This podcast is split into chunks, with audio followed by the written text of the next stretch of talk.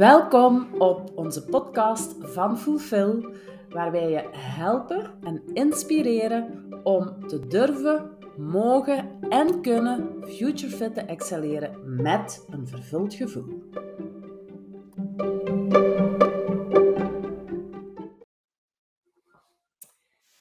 Welkom op dit webinar en we gaan er ook een podcastversie van maken Ehm, over onze gedragsvoorkeuren. Ik ben Mira Huipens, uh, een van de drijvende krachten achter. En wij hebben een methode ontwikkeld uh, die wij samen met uh, heel wat van onze coaches al gebruiken om mensen um, en hun persoonlijkheid, hoe dat ze zijn, wie dat ze zijn en zo verder in kaart te brengen.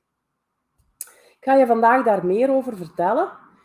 En we hebben daar ook een slideshow voor ontwikkeld, zodat je goed kan meevolgen. Onze gedragsvoorkeuren, je ziet ze hier al staan, hè, die um, zijn eigenlijk gebaseerd op um, de Big Five, ga ik straks meer over vertellen. En je ziet hier dat er al vijf dimensies zijn.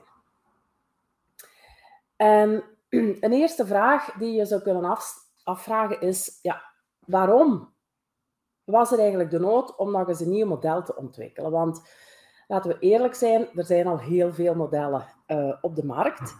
Um, ja, waarom vond ik het dan toch nog nodig om zelf een methodiek gaan uit te? En een van de redenen is uh, ja, dat ik een boek heb geschreven. En in dat boek wil ik handvaten meegeven die mensen konden gebruiken om zichzelf meer in kaart te brengen, om zichzelf meer te leren kennen. Ook om te zien van, wat is voor mij nu een betekenisvol leven? We noemen dat de Circle of Fulfillment. En ik wou daar dus eigenlijk een methodiek gebruiken waar ik ook vrij in was om die te publiceren en om die eigenlijk zo aan te reiken um, aan mensen. Dus vandaar de nood om toch zelf eigenlijk uh, een methodiek te ontwikkelen. En je ziet daar al staan bij stap 2, ontdek je gedragsvoorkeuren. Dus in dat luik komt dat eigenlijk aan bod. Maar er was nog een reden. Um, namelijk in mijn job, hè, ik heb ook lang bij KBC binnen Human Resources gewerkt, maar ook sinds ik zelfstandig ben uh, en sinds ik lesgeef aan de hogeschool. Uh, ik ben altijd bezig geweest met competenties, met talenten. Um, en eigenlijk merkte ik dat het heel moeilijk was om mensen hun talenten, hun competenties werkelijk te gaan matchen met elkaar. Um, sommigen spreken enkel over talenten, anderen spreken enkel over talenten.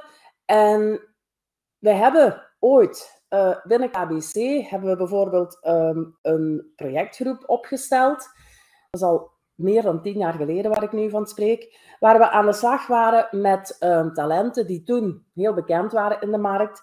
En we wilden die eigenlijk gaan koppelen aan de competenties binnen KBC, hè, waar we toen mee werkten binnen KBC. Uh, ja, we hebben die projectgroep eigenlijk na een half jaar stopgezet, omdat dat, dat was heel moeilijk. Hè. We, kregen, we kregen die niet te goed vertaald.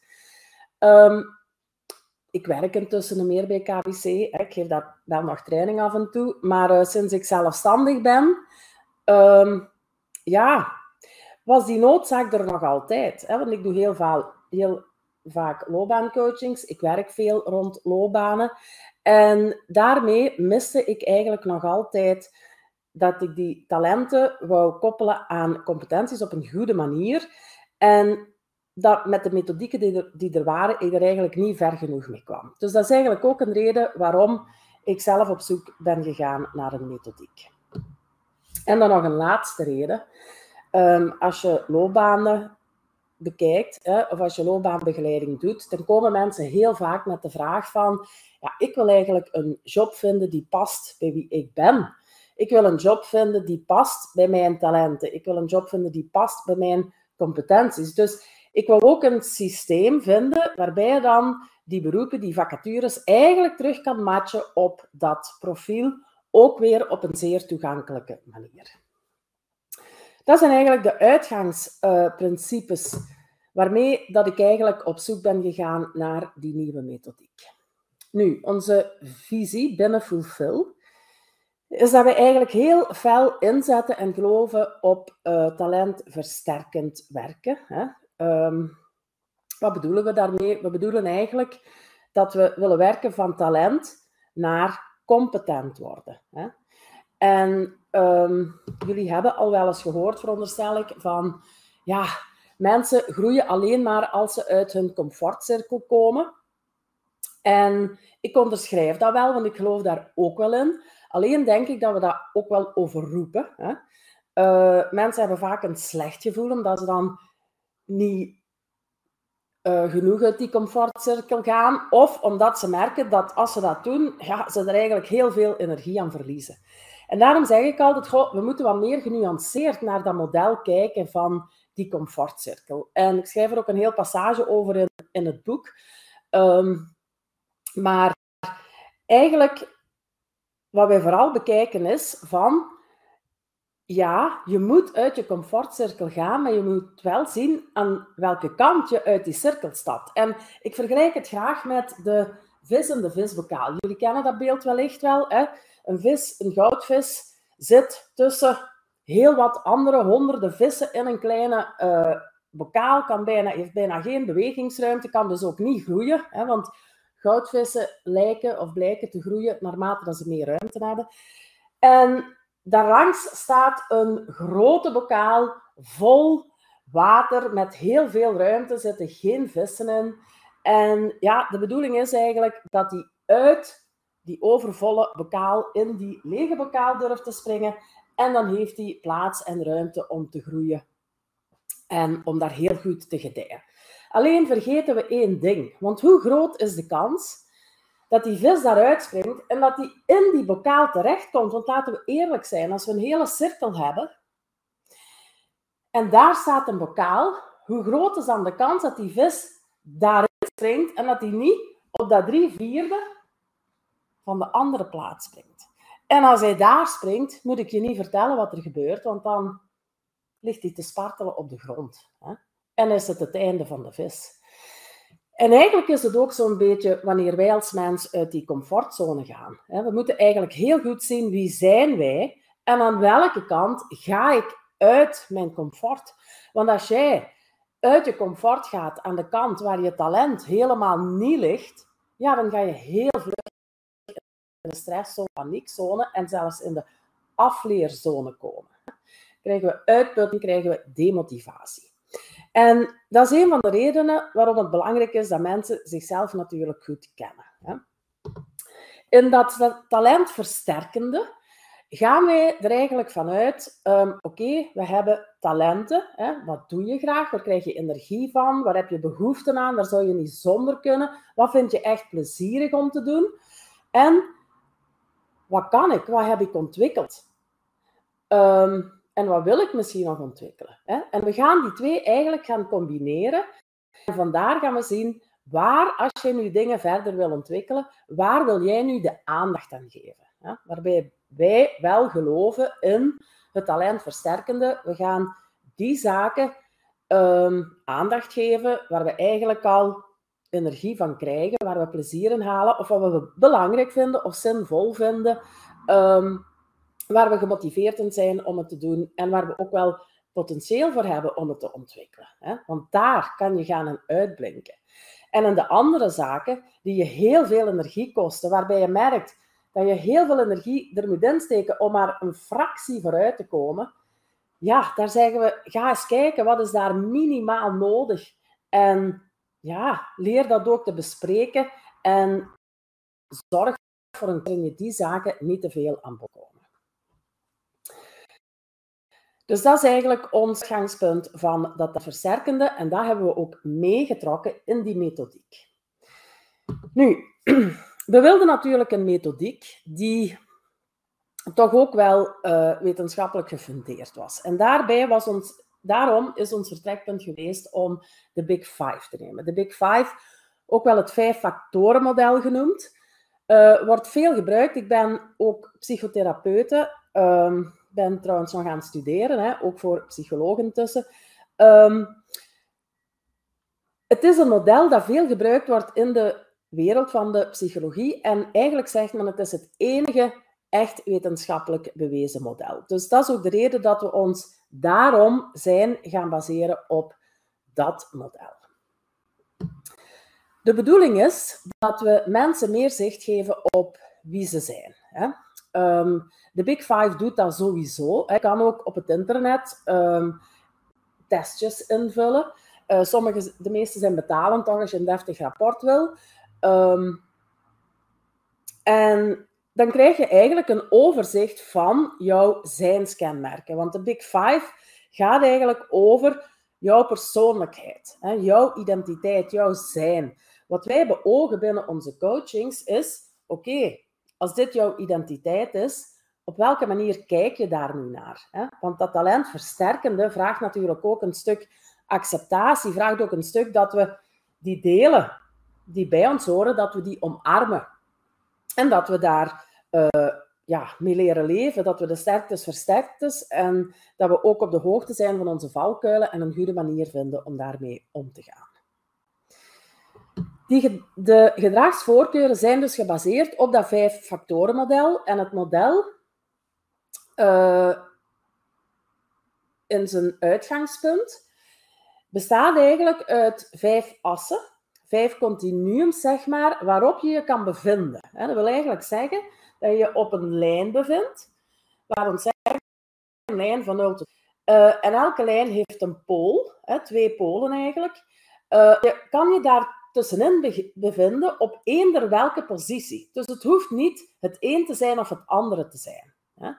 En zij onderscheiden zo vijf assen. Je hebt de intellectuele, de as met de intellectuele autonomie. Dat is de mate waarin dat je open staat voor ervaringen. Je hebt een as die gaat over zorgvuldigheid.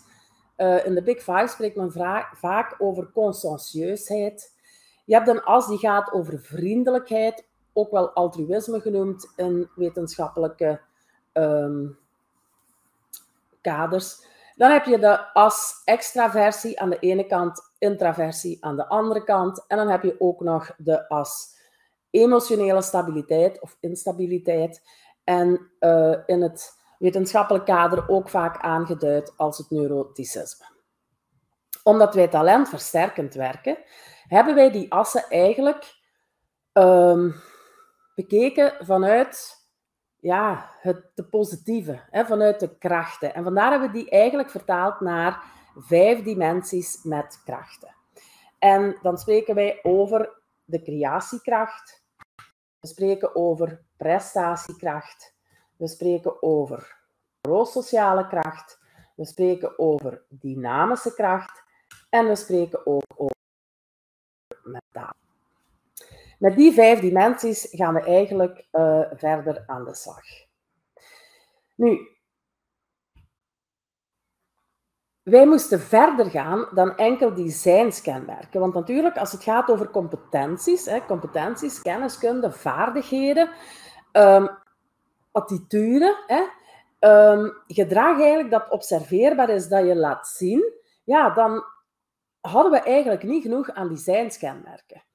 Nu, dan zijn we in um, de theorie van de Big Five eigenlijk gaan kijken naar de voorstellingswijze van dat model. En dan gaan, zijn we eigenlijk 40 gedragingen uh, gaan destilleren uit dat model. 40 gedragingen die we vrij gekozen hebben in die zin. Hè, we hebben die gedragingen bekeken en we hebben gezegd, oké, okay, was er nu eigenlijk belangrijk werkcontext? En dat is eigenlijk onze uh, basis geweest om die 40 te gaan kiezen. Wat we daarvoor gebruikt, het idioticon van de persoonlijkheid, dat is gebaseerd op de Big Five, waarbij men eigenlijk heel veel gedrag beschrijft. Hè? En waarbij ook, en dat is ook een belangrijke, ik heb gesproken over die vijf assen, maar die vijf assen, die gaan ook combinaties tonen met elkaar. Hè? En in dat idioticum, dat gedrag, zitten ook die combinaties al. En daar zijn we eigenlijk die 40 gedragingen gaan uithalen.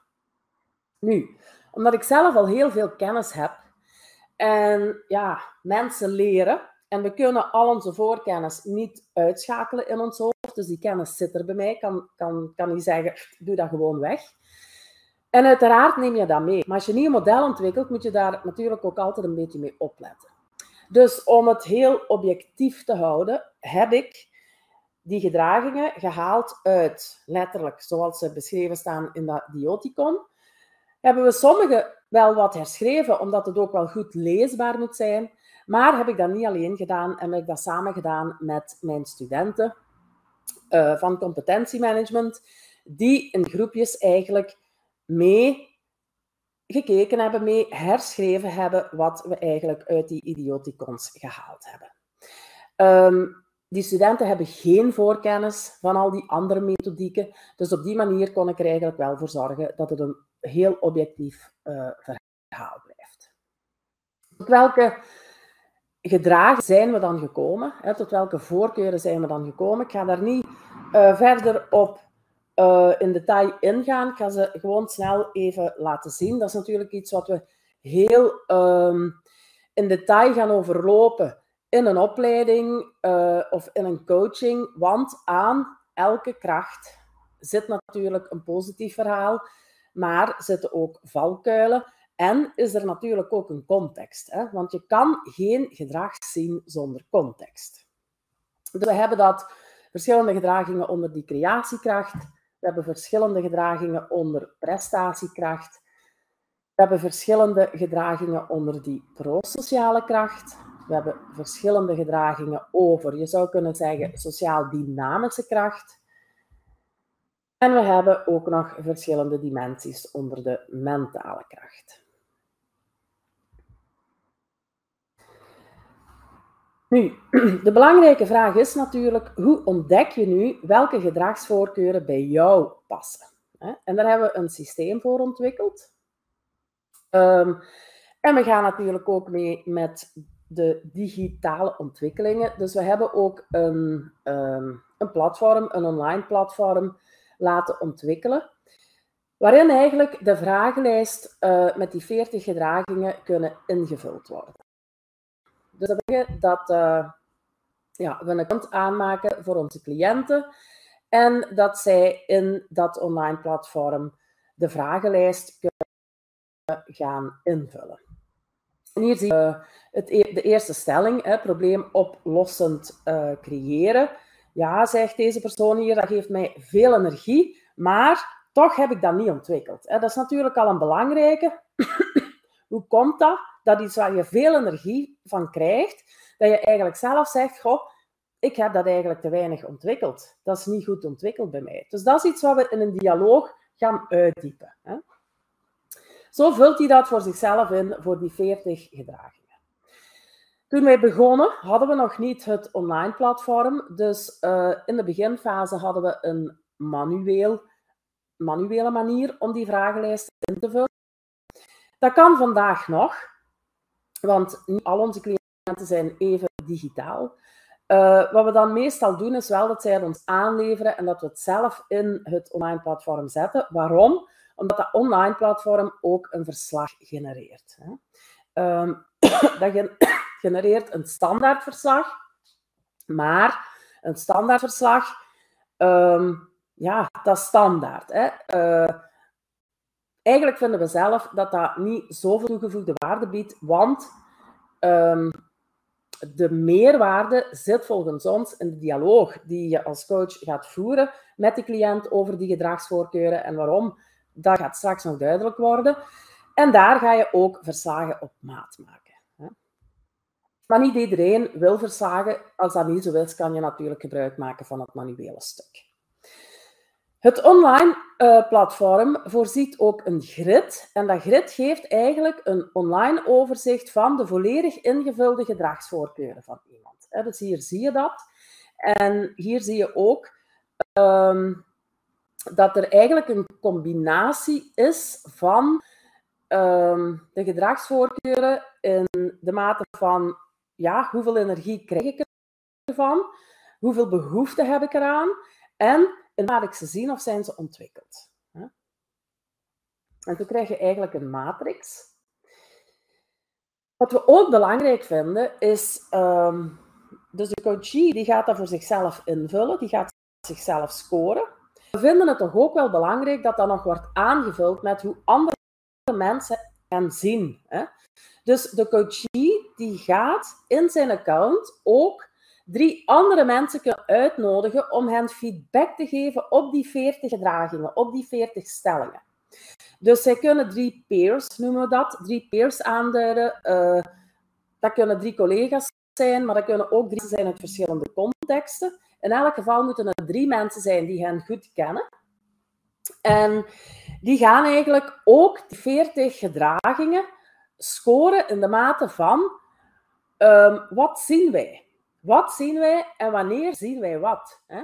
Dus de bedoeling is dat de coachie van anderen een beeld krijgt van hoe zien die anderen mij? Um, zijn er misschien blinde vlekken? Hè? Uh, als die mij anders scoren dan dat ik mezelf zou scoren, ja, kan ik dat plaatsen in de context. Want wat ook wel belangrijk is, die peers, die kunnen bij elke stelling noteren um, wanneer dat ze dat zien, in welke context dat ze dat zien, uh, of ze daar misschien wat willen nuanceren. Dus ze kunnen er eigenlijk uitleg bij geven. Um, en waar we dan natuurlijk ook naar gaan kijken is, zijn er bepaalde patronen? Hè? En kan ik dat ook weer plaatsen? Dus de bedoeling is eigenlijk dat de coachie die uh, resultaten binnenkrijgt, die kan ook zelf gaan zien in het programma. En die kan dan zelf ook gaan kijken, heb ik eigenlijk nog extra uitleg nodig van die ander om dat toch nog meer te kunnen plaatsen? Hier zie je bijvoorbeeld bij het eerste, dat probleemoplossend vermogen deze persoon zegt, ja, dat geeft mij veel energie, dat is ook heel goed ontwikkeld, ik laat dat veel zien ook. Um, maar peer 1 zegt, volgens mij is dat niet ontwikkeld, want ik, ik observeer dat eigenlijk niet. Hè. 2 en 3 dan weer wel. Dus hier is het dan misschien toch wel eens goed van met peer 1 te gaan zien, wat maakt nu dat jij dat zo laag hebt gescoord. Uh, je weet gierig tonen. Hier zegt ook de persoon, ja, ik krijg daar heel veel energie van. Uh, goh, ik zou dat nog beter kunnen ontwikkelen. Hij heeft het geel aangeduid. Um, peer 1 en peer 2 zeggen ja, dat vinden wij ook. Maar peer 2 zegt, volgens mij ben jij daar uh, koploper en ik zie jou dat heel veel doen. Hè? Uh, dus ook hier kan de coachie gaan kijken, ah, wat maakt nu dat jij dat anders ziet dan de andere. En op die manier is dat eigenlijk voor uh, de 40 stellingen. Um, in het programma kan je ook klikken op um, de stellingen zelf. En dan kom je ook weer in een uh, scherm waarin je de stelling nog eens ziet, waarin je de uitleg van de stelling ziet, maar waarin je ook kan klikken op die peer, wat heeft die nu eigenlijk precies geschreven? Wie is het die dat geschreven heeft en wat heeft hij daarbij geschreven van uitleg, nuancering en zo verder. Zoals ik daar straks al zei, is het niet alleen die vragenlijsten invullen, maar is het vooral de dialoog daarna met behulp van de resultaten in die vragenlijsten die de meerwaarde biedt. Dus de coach gaat eigenlijk de gedragsvoorkeuren bespreken met de coachee. En belangrijk is dat je dan eigenlijk advies op maat krijgt en dat je dan ook een volledig beeld krijgt. Want wat is er nu gebeurd in die vragenlijsten? Iedereen heeft die stellingen gescoord als zijnde probleemoplossend is iets apart, weetgierig is iets apart, um, organiseren is iets apart, samenwerken is iets apart. Maar dat is niet zo in de realiteit. Hè? In de realiteit zien we net dat verschillende gedragsvoorkeuren gaan inwerken op elkaar. En dit is wat we gaan bespreken tijdens een dialoog. Dus we gaan daar veel verdiepender werken. Wat we ook gaan zien tijdens een dialoog is dat er nog scores kunnen veranderen. Laat ons zeggen dat ja, ongeveer 10% van de scoringen toch nog verandert tijdens de dialoog. Um, ook op basis van die dialoog kan je dan dat verslag, dat standaardverslag, hè, kan je dan gaan aanpassen, kan je gaan nuanceren, kan je contextwijze uh, belangen, belangrijke zaken gaan toevoegen. En je kan dus tijdens de dialoog uh, kan je al dingen gaan toevoegen waarvan je zegt, ja, dan moet ik dan later nog wat verwerken. Maar dan ga ik dat zeker niet vergeten, want dat is voor deze persoon toch wel heel belangrijk. Dus um, de kracht van het dialoog, ik heb al een aantal dingen benoemd. Um, ik heb gezegd, er zijn gedragsvoorkeuren die op elkaar gaan inwerken. Hè. Um, sommige gedragsvoorkeuren gaan elkaar bijvoorbeeld versterken. Of gaan elkaar net counteren. Of kunnen leiden tot iets nieuws. Hè. Bijvoorbeeld artistiek creëren in combinatie met verbeelden creëren is iets anders dan artistiek creëren in combinatie met innerlijke beschouwing. Of is nog iets anders dan artistiek creëren in combinatie met praktijkgericht handelen. En er zijn ook mensen die ze allemaal sterk hebben. Hè. En wat dat dan geeft, hè, ja, dat vertellen we je natuurlijk in de dialoog, dat ga ik hier niet vertellen. Um, en dan vertellen we ook in de opleidingen erover. Dat is net dat verdiepende wat je gaat leren of wat je gaat horen over jezelf. Soms kan het ook zijn dat het verklarend is voor veel mensen. Ze zeggen van, oh, maar nu valt, vallen alle stukjes van die puzzel eigenlijk samen. Nu kan ik verklaren waarom ik dat soms heb, want tot nu dacht ik eigenlijk dat dat niet normaal was. Hè? Zo, zo kan het zijn dat je zowel een stuk chaot bent, als dat je zegt, ja, maar in andere ben ik toch heel gestructureerd. Ja, dat kan door een combinatie van bepaalde gedragsvoorkeuren. Hè? Het kan bijvoorbeeld zijn dat je zegt, goh, anderen zeggen dat ik eigenlijk niet altijd sociaal ben in een bepaalde context. Weer anderen zeggen dat ik net heel sociaal ben. En zelf, ja, zelf weet ik het eigenlijk niet zo goed. Ben ik nu sociaal of ben ik niet zo sociaal? Ook daar gaan we weer kijken. Ja, inderdaad, dat kan zijn dat de context dat bepaalt en dat je op bepaalde vlak sociaal bent en op andere veel minder. Hè. Um, die gedragsvoorkeuren, als we kijken naar achteraf, wat, wat, ga je daar dan mee doen in je werk of in je leven of zo, die geven ook vaak al aan in welke context bijvoorbeeld dat jij goed zou aarden. Hè? Bijvoorbeeld, daar kan al uitkomen van, dit is iemand die echt wel nood heeft aan een operationele context, of dit is iemand die nood heeft aan een beleidscontext, of dit is iemand die wel nood heeft aan een beleidscontext, maar die wil toch ook wel dat uh, zaken geïmplementeerd worden en meer nog, die wil daar ook wel voeling mee blijven hebben. Andere mensen in dat beleid liggen daar helemaal niet van wakker. Hè? Dus dat zijn ook zaken waar we naar gaan kijken. Het coachen is dus wel een must om te komen tot die verklarende uh, inzichten. Hè. Uh, zoals ik daar straks zei, bepaalde combinaties, um, of door bepaalde combinaties ontstaan die inzichten. Hè. We hebben bijvoorbeeld bij mentale kracht stressregulerende um, vermogen. En uit de gedragsvoorkeuren gaat ook duidelijk worden waarom bij de ene bepaalde stressregulerende oefeningen werken en andere niet. Um, andere leiden dan weer tot verdiepende voorkeuren. Bijvoorbeeld, wanneer ben je een creatieve maker en wanneer ben je een mooi maker? Kan je iets mooi maken af scratch en het bedenken? En wanneer wil je wel graag dingen mooi maken, maar wil je dat eigenlijk doen door ja, te inspireren en bij wijze van spreken te knippen en te plakken en zoiets mooi te maken? Um, of sommige mensen willen wel dingen mooi maken, maar lopen dan vast ten aanzien van het feit dat ze zeggen, maar ik zit hier maar dingen te maken, te maken, maar ja, wat, doe ik ermee? Dus al die zaken gaan eigenlijk uh, aan bod komen. Ook samenwerken. Samenwerken is een containerbegrip. Hè? In sollicitaties ben je een teamplayer. Ja, ben je een teamplayer? Hangt er vanaf, hè? Ja, dat hangt er inderdaad vanaf. Dus we gaan hier kijken, waar hangt dat voor jou vanaf? Hè? Um, flexibiliteit is ook zo'n woord. Ambitie is ook zo'n woord. Hè. Um, dus die containerbegrippen, die krijgen ook allemaal veel meer laagjes. Wat ook zeker uh, uit zo'n bespreking komt, is, ben je nu eigenlijk iemand die in aanmerking komt, die, die, de, die voldoende energie gaat krijgen van het zelfstandige statuut. En als je dan zelfstandige zou willen worden, op welke manier ga jij dat dan doen?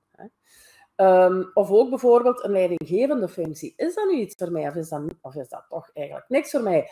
Of stel dat het iets voor mij is, wat zijn dan toch nog mijn valkuilen? Komt daar ook heel mooi uit. Wat ook een belangrijke is, is dat het eigenlijk um, heel uniek is voor iedereen. Hè? Um, ik ben eigenlijk nog niet tegengekomen dat iemand twee dezelfde exacte combinaties heeft van die gedragsvoorkeuren. Men wel eens van, oei, dat lijkt me zo een rare combinatie wat ik hier uh, heb liggen. Is dat bij anderen ook zo? Wel, iedereen heeft een andere combinatie. Dus zou je kunnen zeggen, er zijn geen rare combinaties. Hè. Zo zie je hier de combinatie bijvoorbeeld van Eline. Um, wat we in de praktijk doen, is dat echt op de grond leggen hè, met uh, de kaartjes. We hebben ook uh, kaartjes laten ontwikkelen van de gedragsvoorkeuren. Dus we leggen dat eigenlijk uit op de grond tijdens die dialoog. En daar gaan we ook echt gaan verschuiven, zodat mensen echt ook zien van... Oké, oké, ik snap nu, als die bij die komt, dat geeft dan een verklaring voor dat gedrag. Of, ah, die kan ook verschuiven, die is ook bij iets anders belangrijk. Dus eigenlijk brengen we op die manier dynamiek in heel die aanpak, in heel die dialoog. Op het einde hebben ze ook een overzicht. En gaan we daar ook zien van, oké, als we dit hier nu allemaal zien liggen, wat zegt dat nu over u? Tegelijkertijd, je ziet daar ook um, het beeldscherm met de gedragsvoorkeuren. Tegelijkertijd uh, kan ik dus daar ook kijken van, oké, okay, zijn hier nuances die ik al zeker moet wegschrijven, die ik niet mag vergeten bij um, het verslag. Misschien ook nog wel zeggen, want niet iedereen, uh,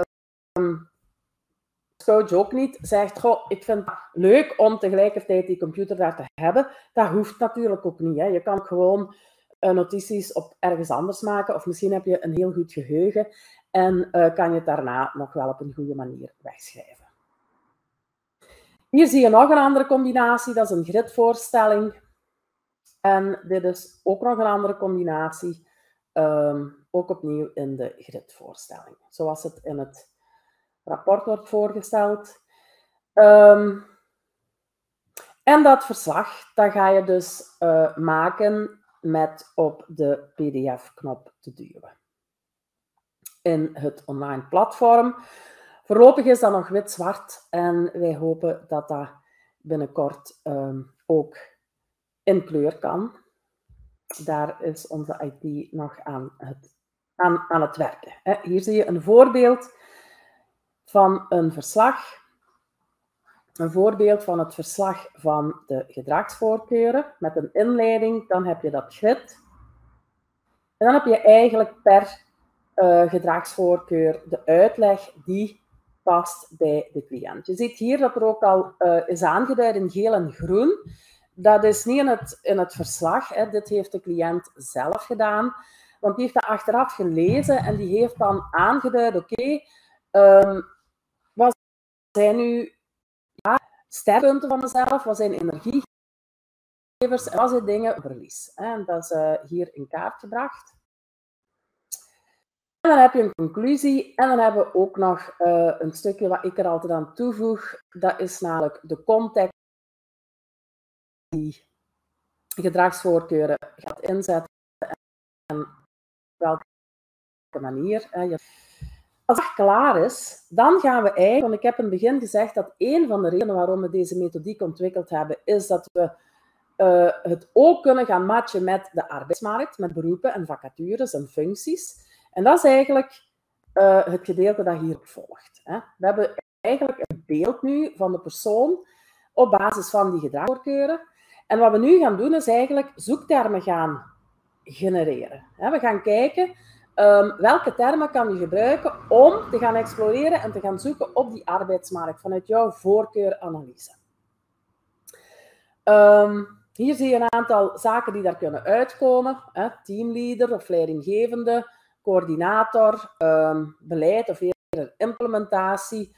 Bemiddeling kan er ook al uitkomen, verpleegkunde. Uh, dus er komen al wel een aantal zaken uit. Als we kijken naar het voorbeeld van Els, heeft zij hier voor zichzelf een aantal zaken al kunnen uithalen die in sommige gevallen ook al gekoppeld zijn aan een beroep. Maar dat is nog niet genoeg. We zeggen, die trechter moet nog meer open. We gaan nog verder exploreren. En we doen dat dan aan de hand van een beroepentest. En er zijn veel uh, coaches die al bepaalde beroepentesten gebruiken, die ook zeer goed zijn. Hè. Um, eigenlijk kan je elke beroepentest koppelen aan deze methodiek. Hè. Um, voor ELT hebben wij ook een beroepentest gebruikt en hier kwamen deze um, functies eruit. Dus we hebben nu eigenlijk al een hele lijst met zoektermen. Maar het is nog niet voldoende. We gaan nu ook nog kijken naar, oké, zijn er nog extra sectoren die jou aanspreken? En bij die sectoren horen ook weer specifieke beroepen. Dus daar hebben we andere lijsten voor. Ook daar gaan ze nog eens in kijken. Hier geeft Els sectoren aan. Els heeft een breed interesseveld, dat zie je. Um, dit doet zij verder uh, thuis, een stukje huiswerk. Hè. Dus hier gaat zij nog verder aanvullen. En dan komt ze eigenlijk tot een hele verzameling van zoektermen waar ze mee aan de slag gaat om vacatures te vinden. En dan komen we eigenlijk tot de stap dat effectief denkt mee naar de coach. En hier bijvoorbeeld dat Els uh, drie vacatures echt heeft uitgeprint en een lijstje heeft meegebracht van een aantal die we nog online konden gaan bekijken.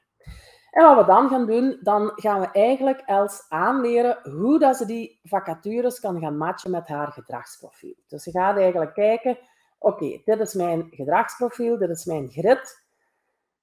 Dit was de context um, die voor mij van toepassing was. En ik ga nu op dezelfde manier eens naar die vacatures kijken. Hè. Dus uh, ik ga het groen aanduiden, wat past bij mij, en ik ga het geel aanduiden, hmm, dat is misschien toch wel een valkuil.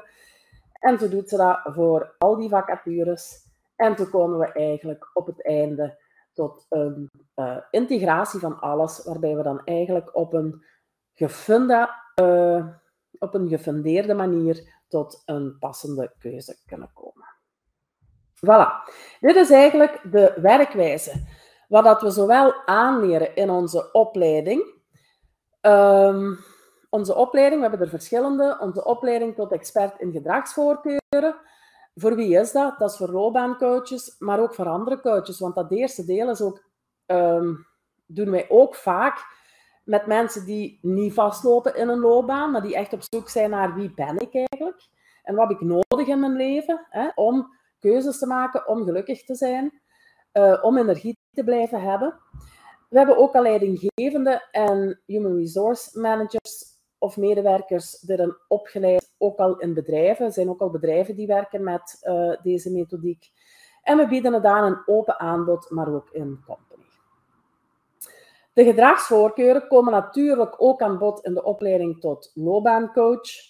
Um, en natuurlijk mensen die zelf een loopbaantraject willen volgen. Um, ja, het merendeel de loopbaancoaches die bij ons zijn aangesloten, werkt met deze methodiek. Je kan hen gaan uh, zoeken op onze website. En als erbij staat expert gedragsvoorkeuren, weet je dat ze ook werken met dit systeem.